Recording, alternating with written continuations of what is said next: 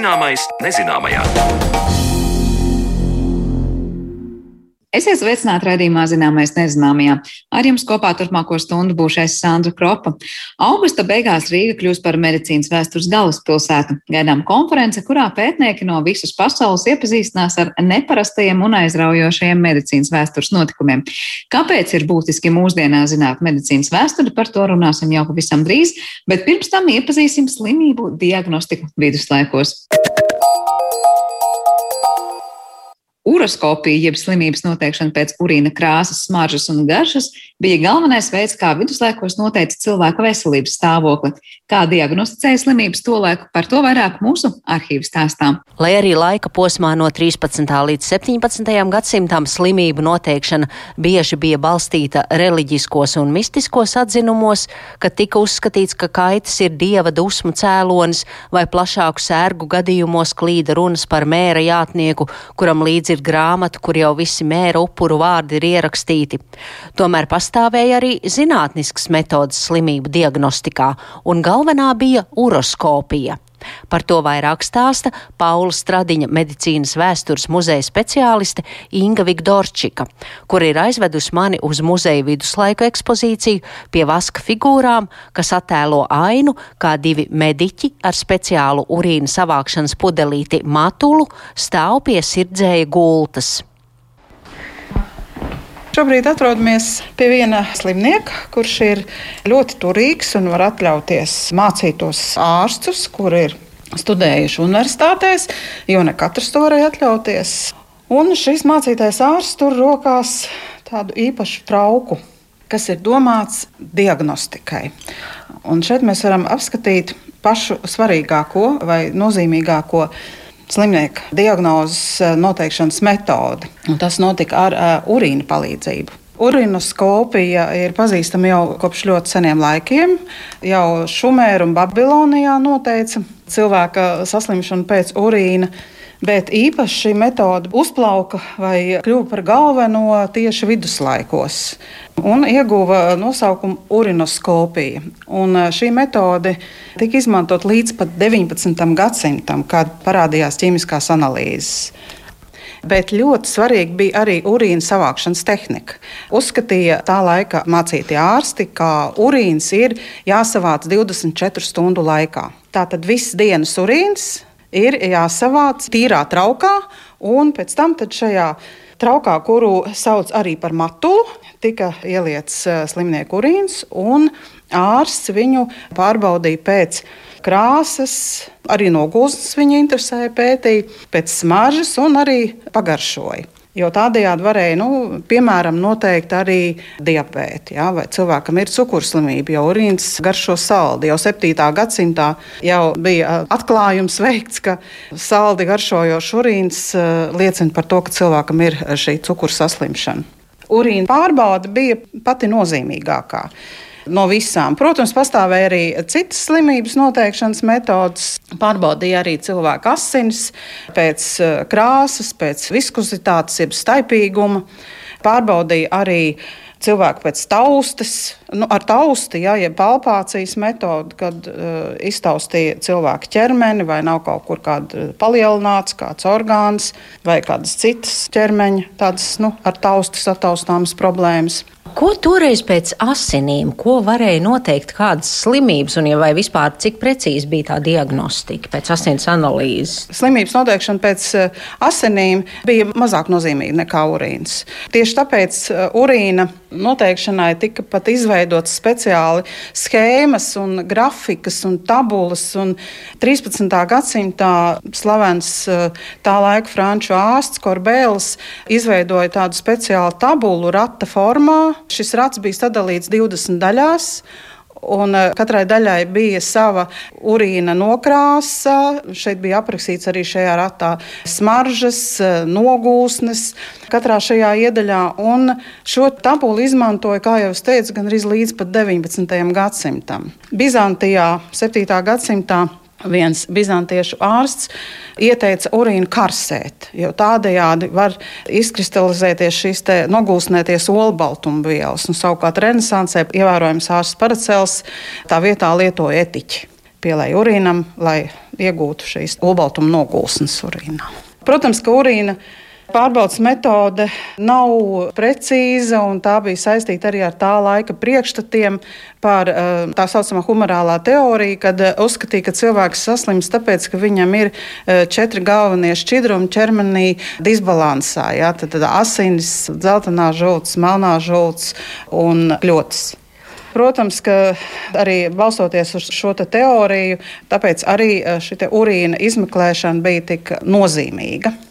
Jūs jau minējāt, ka konkrēti varēja diagnosticēt cukurslimību, tāpēc, ka tas urīns bija salds. Bet kādas tad vēl, ko vēl to, lai kādas, nu, vai vairāk vai mazāk precīzi varēja diagnosticēt kādas slimības? Nu, jāatzīmē, ka arī dažādas psihiskas kaitas vai emocionālie stāvokļi arī tika eh, noteikti pēc šīm metodēm. Piemēram, uzskatīja, ka cilvēki, kuriem ir uh, melanholija, organismā ir pārāk daudz melnās žūts. Un uh, pēc tā arī noteica gan temperamentus cilvēkam, gan arī šādas nu, viņa tādas uh, garīgās, varbūt emocionālās kaitas arī tika noteikts pēc šīm metodēm. Jāpiebilst, ka minētais franču ārsts Žils Korbels 13. gadsimtā, balstoties uz saviem pētījumiem par urīna analīzēm, sarakstīja poēmu par uroskopiju, lai medicīnas studentiem būtu vieglāk iegaumēt visus parametrus saistībā ar urīna analīzēm. Šajā poemā viņš apraksta vairākas urīna krāsas, kā piemēram zili melnu, baltu, zaļu un vīna tonī. Bet turpinājumā Inga Vigdorčika stāsta arī par citām slimību noteikšanas metodēm, kas bija spēkā viduslaikos, gan arī par veidiem, kā no slimībām tolaik izsargājās. Protams, arī daudzas ar cilvēku ķermeni saistītas lietas, slimības tika izskaidrotas ar dažādiem mītiem un stāstiem. Nu, kaut vai tas pats eh, mēra izplatība, kad eh, pie pilsētas pieeja balts jātnieks baltā zirgā, nolic no zirga, atver baltu grāmatu, tā saucamo mēra grāmatu, un tur jau ir ierakstīti visi cilvēku vārdi, kuri tajā pilsētā nomirst. Tas ir viens no stāstiem. Bet uh, pamatā, ja runājam par tādiem vairāk mēģinājumiem racionāli izskaidrot uh, slimību rašanos un izplatību, tad var pieminēt tā saucamo miasmas teoriju, Šajā laikā pastāvēja uzskats, ka slimības izplatās eh, pa gaisu, ar vēju, no purviem, ar sliktu gaisu. Tāpēc, ja mēs paskatītos uz mēra ārsta tērpu, jā, tad mēs redzam, ka viņam ir tāds eh, garš knābis, kurā tika likta dažādas iekšā kompreses, eh, etiķa, jā, lai izvairītos no šīs saslimšanas. Vai cilvēki nesāja sev līdzi, ja turīgi cilvēki nesāja sev tādus saucamos bizamābolus, kas arī mūsu muzejā ir apskatāms, kurā ielika dažādas smaržu vielas, kuras bija ievietotas vaļa sekretā, jo tas bija ļoti labs eh, smaržu noturīgs līdzeklis tajā laikā, un eh, nesāja sev līdzi tādējādi cerot izvairīties no slimībām. Kāds, vai tas tā kā maisiņš Mēs vai kamolīts izskatās? Jā, bizamābols. Cik tas ir grēznis. Jā, nu šis bija mākslinieks. Bet... Eh, mūsu muzejā atrodas arī glezna, kurā mēs redzam Rīgas birģa meistaru Hansu Velšu 17. gadsimta vidū ar bizamābolu rokā. Šeit mēs redzam bizamābolu. Viņš ir ļoti krāšņs un, protams, ne katrs cilvēks to varēja atļauties. Un šeit varam apskatīt arī dažādas smaržvielas, augus smaržīgus, kuri tika likti šajā bizamābolā, kā kanēlis, majorāms. Tad tas ir eh, metāla ķēdē, nu es pieņemu, tas bija sudraba ķēdē, iekarināts tā kā eglīšu rotājums bumbulis, eh, ļoti grazni tādu izstrādātu to apkārtni, režģi, un tad es saprotu, ka iekšā iepildīja to vaļu sekretu, kas bija tā kā tauku pika. Jā, jā, un viņā tad arī ievietoja šīs smaržzālītes. Dažādas smaržīgas vielas, zāles. Un blakus bizamābolam jūs redzat urīna trauku. Urīna traukam ir speciāla forma gan arī spuldzes veidā. Patiesībā eh, būtiski nu, galvenais uzsvers bija tas, ka urīnam ir jāglabājas traukā, kas ir līdzīgs urīna pūslim. Jo tādējādi uzskatīja, ka var noteikt precīzāku diagnozi. Par slimību noteikšanu viduslaikos stāstīja Paula Stradiņa medicīnas vēstures muzeja speciāliste Inga Vigdorčika, un ar viņu sarunājās Zana Lāca. Bet raidījuma turpinājumā pievēršamies medicīnas vēstures pētījumiem, kas pasaulē aktuāli šobrīd.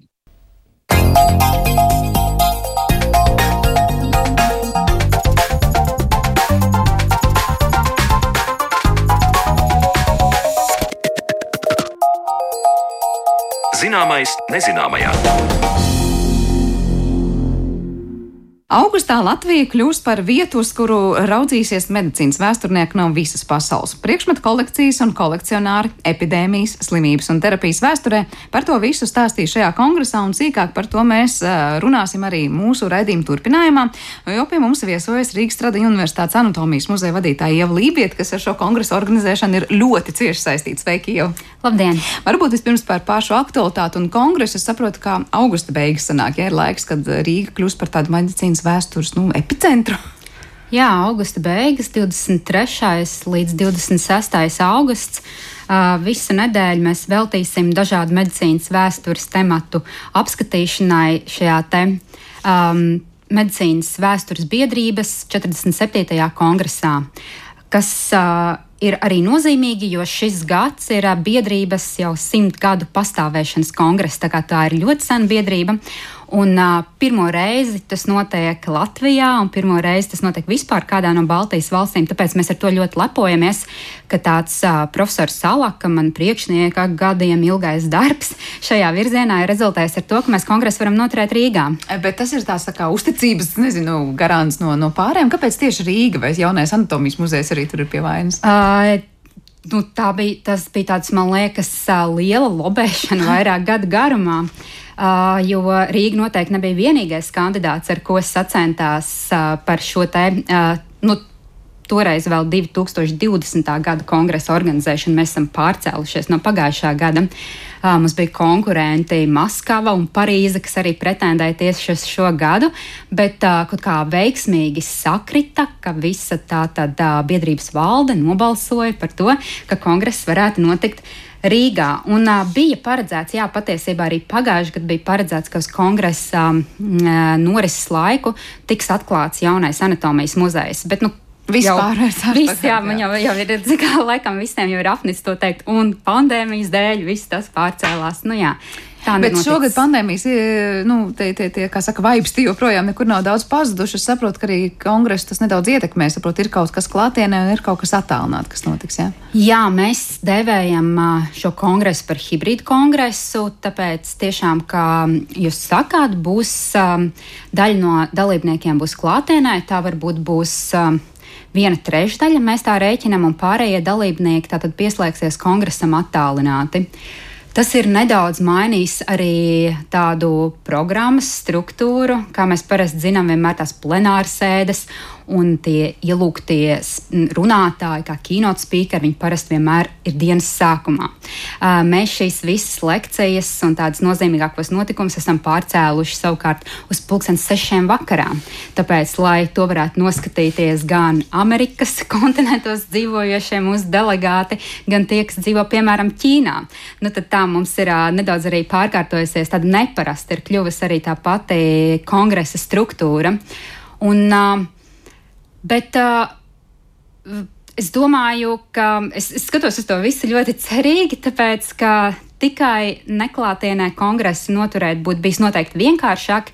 Uh, mēs esam paši nedaudz sarežģījuši šo dzīvi, bet, uh, bet, uh, protams, ka tas gandarījums satiekot kaut kādus kolēģus, kurus mums būs iespējams beidzot pēc tik ilga laika atkal satikt klātienē, noteikti atsvērs šīs problēmas, kas mums rodas šeit visā organizējot. Tie, kas varēs klausīties un sekot līdz notiekošiem, ir tikai jums profesionāļi, vai tā kā tas notiek arī attālināti, tur kas katram interesantam ir iespēja arī kaut ko sev derīgu atrast? Uh, Principā klausīties un piedalīties šajās zinātniskajās sekcijās varēs kongresa delegāti, tie, kas ir reģistrējušies kongresam. Savukārt būs trīs lekcijas, kas ir mūsu ielūgto runātāju lekcijas, kuras uh, būs iespējams uh, noklausīties arī visiem, kuriem tas interesēs, jo tās mēs translēsim kongresa mājaslapā. Par ko tās būs? Uh, nu, tematiski lielās līnijās varbūt. Tā. Pirmā lekcija, kas mums atklās kongresu, ir tādas ļoti fantastiskas medicīnas vēsturnieces. Manas noteikti vismīļākās medicīnas vēsturnieces, Jacqueline Dafinas, Kanādas profesors, lekcija par ekspedīciju uz Lieldienu salu, kādu veica savulaik Kanādas delegācija. Un viņa tur stāstīs par to, tas ir viņas pēdējais pētījums, par to, kas tad šajā ekspedīcijā atklājās un kāda bija viņa centieni saglabāt tur biosfēru pirms tur šo lieldienu salu savienoja ar lidmašīnu reisiem un tam līdzīgi. Tā būs viņas lekcija. Uh, tad uh, mums būs. Um, Es atvainojos, četras lekcijas. Jā, mums būs lekcija par to, kā iegūt vai neiegūt Nobelprēmiju. To mums lasīs Nils Hansons, mūsu kolēģis no Vācijas. Uh, tam sekos uh, trešdienas lekcija, kas ir vairāk saistīta ar anatomiju un kas ietilpst uh, satelīta simpozijā Anatomija un ārpus tās uh, sadaļā. Un tas būs uh, mūsu labs draugs Aleks Bjerī no uh, Bāzeles, kas lasīs par Andrijas Vezālī, tāda slavena anatoma, 16. gadsimta anatoma pētījuma ietekmi uz tādu dansu makabru uh, žanru mākslā. Un uh, pēdējā dienā mums būs savukārt. Um, profesors Hīlijs no apvienotās karalistes, kas uh, lasīs par gulaga medicīnu. Ļoti interesanti. Un pēc šīm visām uh, kinot lekcijām sekos arī diskusija par attiecīgo tēmu, kur iesaistīsies vēl arī pie, pieaicinātie jomas, varbūt speciālisti. Jā, es domāju, ja kādam no mūsu klausītājiem šobrīd jau kāds no tematiem uzrunāja, tad noteikti ir vērts sakot līdz informācijai, kas augusta beigās droši vien būs vairāk pieejama. Bet es tā klausoties, nu, domāju, neobligāti visas šīs lekcijas uzreiz primāri saistās ar medicīnas vēsturi. Nu, piemēram, par to Nobel prēmiju, kā iegūt, neiegūt. Man uzreiz liekas, nu, tur par jebkuru nozaru var runāt. Vai šis kongress vispār tikai un vienīgi ap to medicīnas vēstures nišu, kā saka, orientējās, vai tur ir ļoti plašas šīs diskusijas un vispār tēmas, oh, kas tiek skartas? Nu, jā, nē, nu, man liekas, ka laba medicīnas vēsture tā nav šaura vēsture, tā ir ļoti plaša vēsture. Jo medicīnas vēsture jau sen, droši vien, tad laba medicīnas vēsture vairs nav tikai par sasniegumiem, tehnoloģiju attīstību, ievērojamiem ārstiem un tam līdzīgi. Viņa ir daudz, daudz nu, starpdisciplinārāka pētījuma tēma, kur, kur, kur iesaistās ļoti daudz arī uh, citas jomas, kā, uh, nu, protams, pat par sevi vēsture, bet arī sociālā vēsture. Um, sociālā antropoloģija, māksla un, un, un, un tam līdzīgi. Hm? Šitiem anatomija vairāk tā kā zinātne, māksla, laikam visos laikos, ja ir skatīts šādā kontekstā, arī piesaucāt tad šos te mākslas aspektu jau vairākās kom komponentēs. Eh, cik lielā mērā anatomija savīs ar šīm citām nozarēm kopā? Un tur ir tā mākslas, nezinu, klātbūtne. Um. Mākslas klātbūtne anatomijā. Ja? Par to nu, droši vien, uh, ka tā jau ir uh, Uh, nu, vēsturiski tās ir bijušas, man liekas, ļoti cieši saistītas jomas. Ja mēs padomājam, nu, kad vai pavisam vienkārši, ja tiek pētīta anatomija, tiek preparēti līķi un anatoms ierauga dažādas struktūras, kuras viņš mēģina aprakstīt, tad ir skaidrs, ka ļoti bieži ar tekstu ir par maz, ka tam ir nepieciešama vizualizācija. Un tad tas ir tas brīdis, kurā anatomijā ienāk mākslinieks. Bet viņš tajā brīdī droši vien ienāk nu, kā tāds dokumentālists, vairāk var teikt, nu, tāds mūsdienu fotoattēla, varbūt nu, tāds tā kā aizstājies, nevis tā kā ar savu iedvesmu un, nezinu, redzējumu par lietām tur izpaužās. Uh, Jā, ja es uh, domāju, mēs runājam arī piemēram, par pašiem šiem sākumiem, kad parādās tās pirmās uh, anatomiskās, precīzās vizualizācijas. Un atkal ir jāpiesauc Andrijas Vezālis, 16. gadsimta zinātniskās anatomijas pamatlicējs. Tad uh, lielā mērā tie ir uh, detalizēti anatomiski zīmējumi, bet tas neizslēdz faktu, ka tur ir tāds uh, mākslinieka faktors. Tas noteikti šī viņa slavenā grāmata par cilvēku ķermeņa uzbūvi, jeb dehumāni korporas fabrika, nav tikai zinātnisks darbs, jo šīs ilustrācijas ir vienkārši fantastiskas. Tur nav tāds statisks, guļošs uh, līķis un viņam izņemti ārā orgāni. Tā ir tāda dzīva anatomija. Tur ir skeleti dažādās pozās, darot dažādus darbus, uz uh, arī kaut kādu ainavu fona. Tur ir uh, muskuļu cilvēki, kuriem tiek no sākuma noņemta āda, tad preparēti muskuļu slāņi, nost slāni pa slānim, līdz šis muskuļu cilvēks vairs nevar stāvēt. Tas ir milzīgs daudzums ar ilustrācijām, kas ir arī mākslinieckās izpausmes veids, ne tikai tāda detalizēta struktūru vizualizācija. Bet man liekas, tas attiecībā uz medicīnas ilustrāciju tur ir jābūt tam līdzsvaram, droši vien te radošai izpausmei, lai tomēr tā palīdzētu atsekt to, ko tas anatoms ir mēģinājis pateikt, aprakstot kaut kādu noteiktu ķermeņa daļu vai orgānu.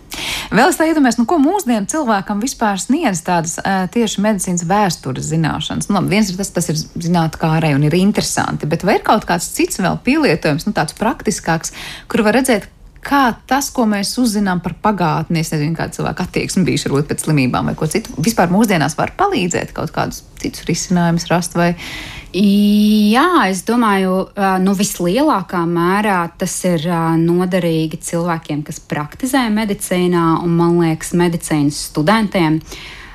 Jo medicīnas vēsture mums konstanti parāda, ka mm, kaut kādas teorijas, kas medicīnā ir kādreiz nu, bijušas pilnīgi uh, pieņemamas, kas ir bijušas zelta standarti, pat teorijas, kas ir saņēmušas Nobela prēmijas, var pēc pāris gadiem, gadu desmitiem vai, protams, gadu simtiem izrādīties pilnīgi aplamas.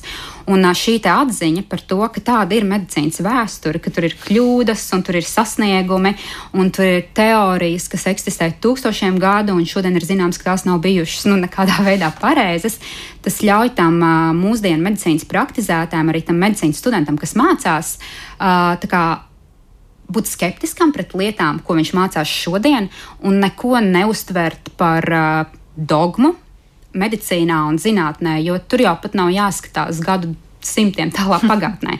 Es zinu pilnīgi noteikti, ka lietas, ko es mācījos kā medicīnas students, tur 2000. gada sākumā, nu, nedara vairs šodien. Tā, tas, nu, tā attīstība ir nu, pietiekami ātra. Un, man liekas, tas ir tas, ko mums sniedz medicīnas vēsture, šo skeptisko varbūt un tādu.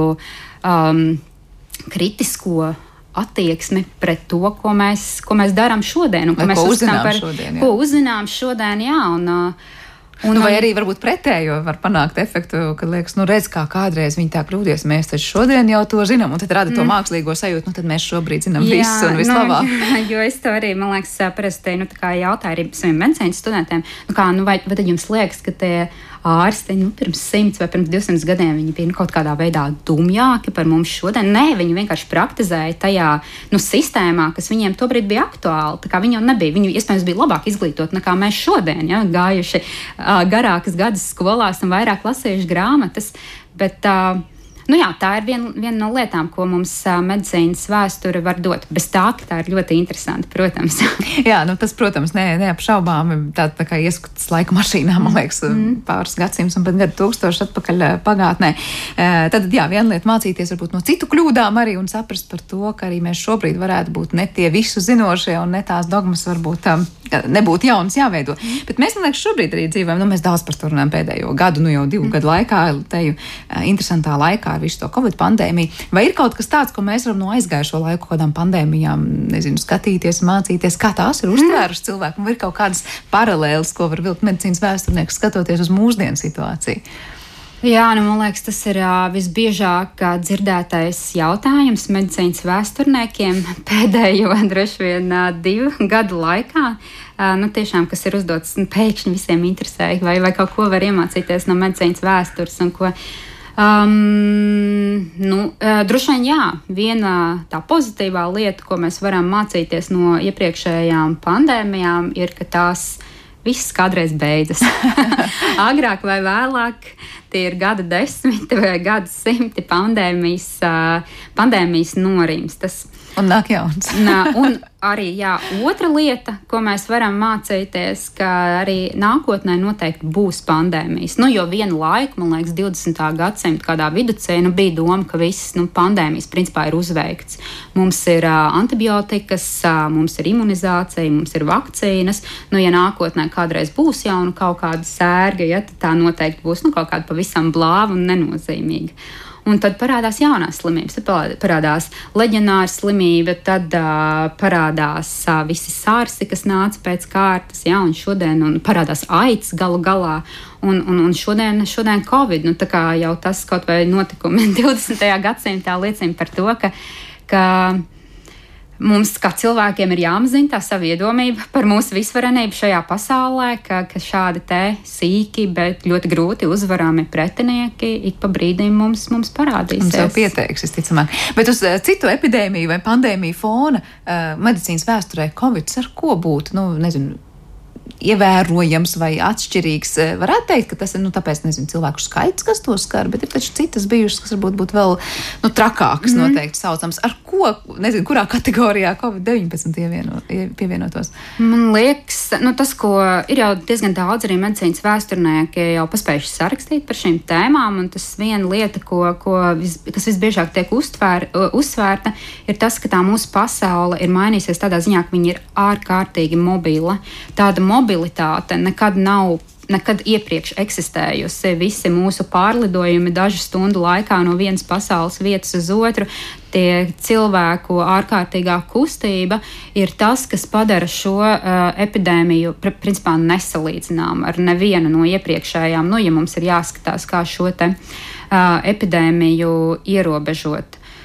Uh, un jāsaka arī, ka šī ir vienīgā droši vien no epidēmijām, kas ir tik detalizēti monitorēti. Jūs, droši vien mēs nevaram nosaukt nevienu citu, varbūt izņemot tās pēdējās sars, kur ir reģistrēti, nu, principā, es nezinu, droši vien ir kādas pasaules valsts, kas izkrīt ārā no statistikas, bet nu, tik ļoti dokumentēts, analizēts, testēts un uh, visu laiku publiski pieejama informācija arī noteikti ne par vienu citu uh, nav, nav bijusi. Līdz ar to nu, grūti salīdzināt droši vien ar iepriekšējām epidēmijām epidēmijām. Ar kaut kādu imunizācijas, vakcinācijas aspektu runājot, vai nu, to mūsu no jautājumu cilvēku attieksmi pret to, vai šis ir kaut kas jauns, ko mēs piedzīvojam, ka mums ir jāpārliecina ah. cilvēku vakcinēties un vēl kaut ko.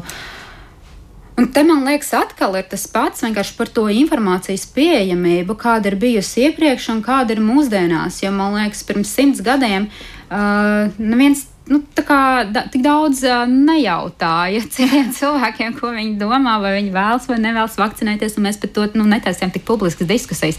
Bet, protams, protams ka tie cilvēki, kas ir uh, vakcīnās saskatījuši ļaunumu, ir uh, bijuši. Uh, līdz ar pirmās vakcīnas parādīšanos momentā tas nav nekas jauns. Tie tā saucamie antivakcēru kustība, tā ir patiesībā ļoti sena.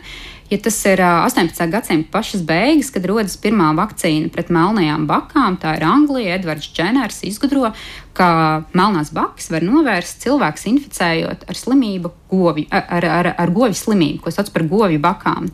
Viņš ir novērojis, ka uh, slaucējs nekad neslimo ar melnām bakām, ar šo briesmīgo slimību, kas ir arī ar augstu letalitāti. Un, uh, viņš intervējot šīs slaucējas, uzzina, ka viņas nu, pastāsta vienkārši leģendu, folkloras leģendu par to, ka uh, viņas neslimo ar melniem bakām, tāpēc, ka viņas ir iepriekš pārslimojuši govju bakas. Viņam rodas tā doma, ah, un ja es varētu visus pasaules cilvēkus tagad inficēt ar govju bakām, no kā ir tikai dažas pumpas un nedaudz temperatūra, tad viņi vairs neslimot ar tām melnajām bakām.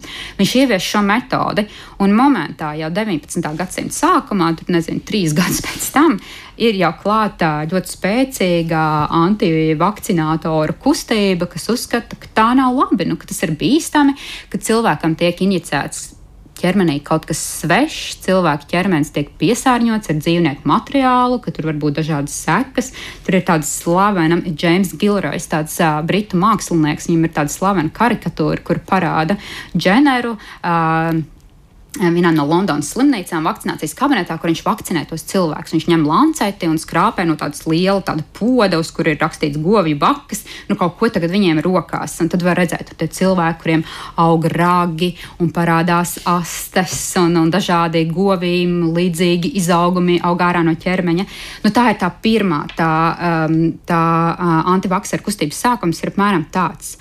Un pēc tam jau 19. gadsimta vidū, nu, es īpaši uh, vairāk orientējos tajā britu kā, um, uh, sistēmā. Viņiem 19. Gad, uh, gadsimta vidū parādās uh, obligātās, tiek pieņemts obligātās vakcinēšanas akts, jeb likums, kas paredz tos, nu, ka visi, kas dzimst Anglijā vai Velsā, viņi ir jāvakcinē obligāti pret melnajām bakām. Un tad parādās jau cita veida argumenti, kas ir saistīti atkal ar cilvēku brīvību izvēlēties nu, pašam par savu ķermeni. Nu, tā kā tie argumenti jau viņus nevar. Es domāju, ka jautājumi jau no vienas puses nekur tālu nav attīstījušies, vai ne? Tie ir tie paši, ja paskatās šobrīd, ko, par ko jā, satrauc cilvēki. Jā, jā, jā, jā jo, jo nu, katram jau no nu, cilvēkiem droši vien kaut kāds savs iemesls, nu, kāpēc, viņi, kāpēc viņi tā domā vai kāpēc viņi tā izvēlas. Bet skatoties medicīnas vēsturē kaut vai uz šo aspektu, nu, mēs varam izdarīt kaut kādus secinājumus, varbūt nu, pārdomāt tos savus lēmumus šajā, šajā mūsdienu pasaulē. Ja? Nu, protams, mēs varam mācīties no citu cilvēku vai nu, kļūdām vai atkal labajiem darbiem un skatīties. Kā kaut vai, nezinu, nu, runāt ar sabiedrību, varbūt skatoties, kas ir satraucis cilvēkus jau senatnē. Tā kā nekāda oh. pārsteiguma lielā mērā jau nav. Nu, Jā, jā, nu es domāju, visi arī tie protesti pret masku valkāšanu, nezinu, kādi nu, bija. Nu, arī tie ir bijuši.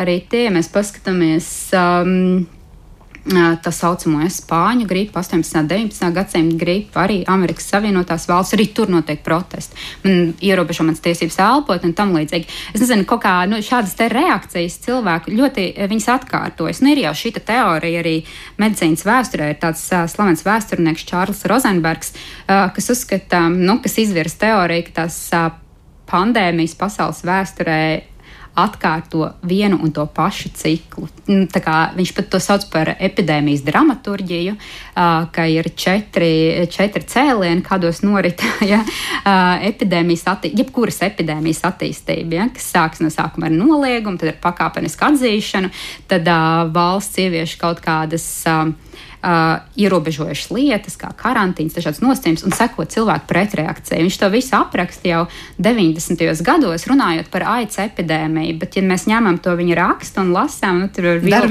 vilkt ar pirkstu vienkārši un sekot līdzi, kurā brīdī notiek citu vainošana, kurā brīdī uh, notiek protesti. Tā kā ļoti prognozējam, ja varbūt uh, nu, tāds kārdinājums ir, jā, bet kā jau es teicu, šo te pandēmiju tiešām medicīnas vēsturnieki vairākas reizes ir uzsvēruši uzsvēruši, ka ir jābūt ļoti uzmanīgiem to salīdzināt ar jebkuru citu iepriekš bijušu pandēmiju, tieši tās mūsu izmainītās pasaules dēļ, kādā mēs šobrīd dzīvojam. Kāda šobrīd ir medicīnas vēstures pētniekiem, varbūt nu, tāda top jautājuma, vispār nerunājot tikai par pandēmiju, ko, ko pēta, kas ir tāds uzmanības lokā? Vai ir kaut tādi klasiskie jautājumi, kas vienmēr ir aktuāli un par tiem joprojām domā, vai ir kaut kādas jaunas tēmas, kas iezīmējas? Uh, Man um, ir, uh, nu, laikam es nezinu, laikam man ir uh, grūti pateikt, uh, jo medicīnas vēsture man liekas ļoti atšķirās arī. Kā, no vietas, kurā tā teikt, praktizēta.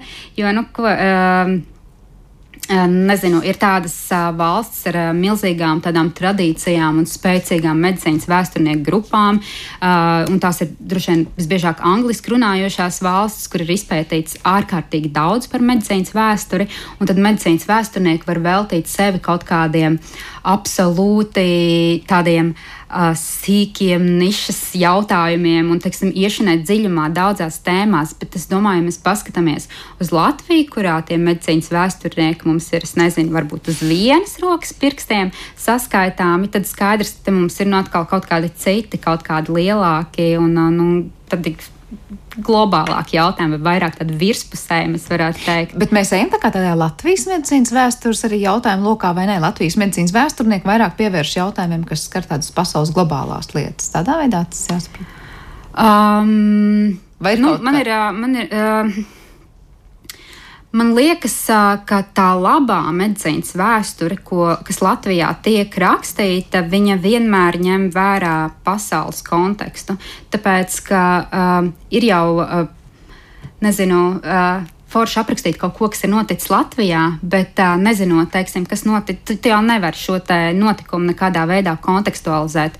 Tāpēc es domāju, ka tāda laba medicīnas vēsture, lat, laba Latvijas medicīnas vēsture ir tāda, kas skar arī nu, kopēju pasaules jau medicīnas vēsturi. Mums, starp citu, arī kongresam. Kongress sākas 23.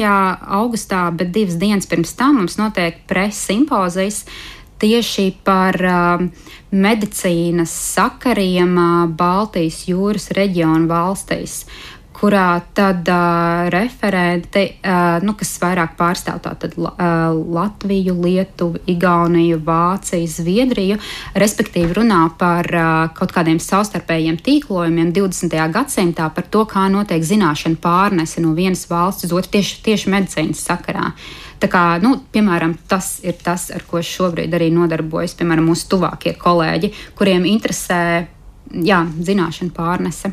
Vēl noslēdzot pamazām mūsu sarunu jautājums par to, kā sabiedrība uztver nu, medicīnas vēsturi, varbūt tas būtu ļoti plaši, varbūt anatomija vairāk. Nav tā, ka mainās laika gaitā tā attieksme pret anatomiju. Nu, proti, ļoti bieži ir kaut kādas, nezinu, nu, sekcijas vai patoloģiska anatomija. Liekas, tā, oi, tas ir šausminoši, tas ir kaut kas, ko, ko, ko grūti skatīties, bet tāpat laikā cilvēks vilina paskatīties. Vai ir at, mainījušies laika gaitā kaut kāda attieksme, ko no anatomijas un anatomijas zināšanām mm. sagaida sabiedrība?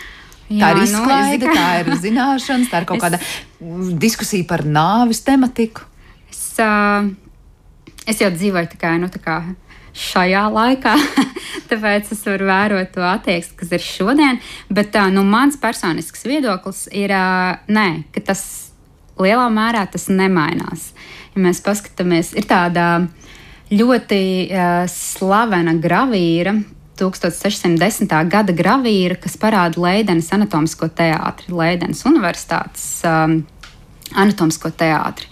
Tur ir uh, parādīts tāds uh, amfiteātris, kura vidū atrodas galds, uz galda guļ vaļā atgriezts līķis, un tas amfiteātris ir pilns ar cilvēkiem. Viņi vai nu sarunājas savā starpā, vai tur ziņkārīgi pēta to līķi. Tur viens cilvēks stāv, viņš ir rokās izstiepis kaut kādu cilvēkam noģērētu ādu, uh, tur ir izvietoti skeleti visā šajā amfiteātrī, tur ir cilvēks skelets, kas sēž zirga skeleti un tam līdzīgi. Un šie skeleti, tu, tur rokās tādus kā banerus ar dažādiem vēstījumiem. Nu, tur ir vairāki. Pamatā tur ir vēstījums atceries nāvi, memento mori, un otrs iepazīsti sevi. Un uh, kaut kā, kad es vienmēr skatos uz šo gravīru, tad uh, man liekas, ka tāds ir vēl aizvien.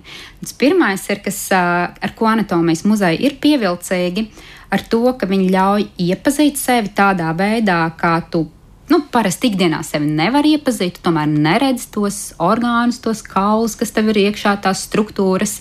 Uh, un, un otrs, ka kaut kādā ziņā um, nu, tas nav pašmērķis nekad bijis anatomiskām kolekcijām atgādināt par cilvēku mirstīgumu, bet kaut kādā veidā tas kā tāds, tāda blakus lieta, protams, eksistē. Jo, ja tas cilvēks atnāk un viņš apzinās, ka viņš skatās uz īstām, kādreiz dzīvojušu cilvēku ķermeņa daļām, tad nu, viņš izjūt caur to iespējams. Es nesaku, ka visi, bet, bet daļa, uh, nu, to starp es izjūtu arī savu kaut kādu laicīgumu un, un, un ierobežojumu laikā. Tas fiziskā ķermenī noteikti. Jā. Jā, par to.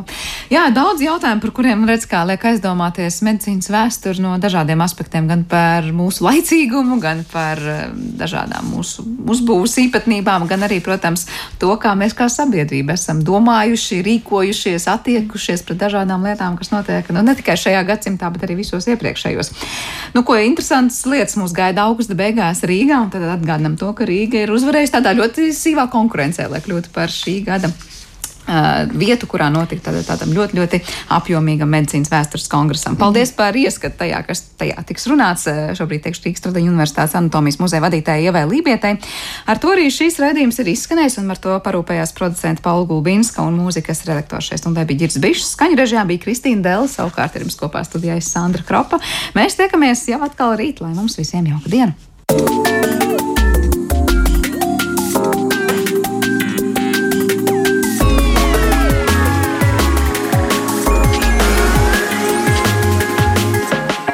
Zināmais nezināmajā.